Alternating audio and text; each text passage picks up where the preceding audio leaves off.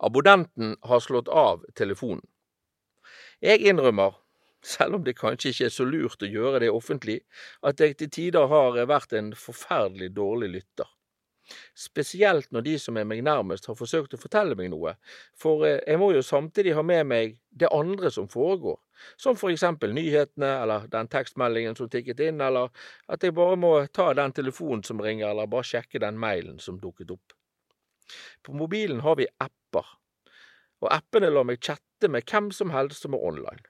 Er det rart jeg ikke har tid til å høre etter? Det gikk opp for meg for en tid tilbake at jeg svarte mer mm, mm, mm når fireåringen min ville fortelle meg noe, enn at jeg faktisk lyttet til hva han hadde å si. Det er ikke bra. For når barn ikke får den positive oppmerksomheten de krever, ja, da setter de i gang de nødvendige tiltak som de har for å få enhver form for oppmerksomhet, og det har da en tendens til å bli en oppmerksomhet av den mer temperamentsfulle sorten.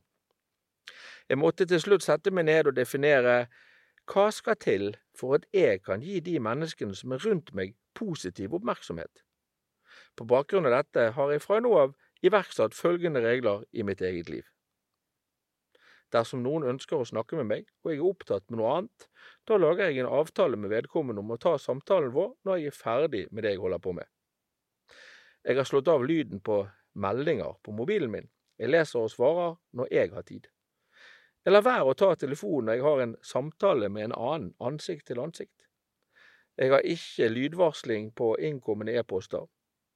Jeg bestemmer sjøl om jeg tillater andre å avbryte meg i det jeg holder på med. Jeg parkerer appene. Det er ingenting som er så viktig at det må være tilgjengelig hele tiden.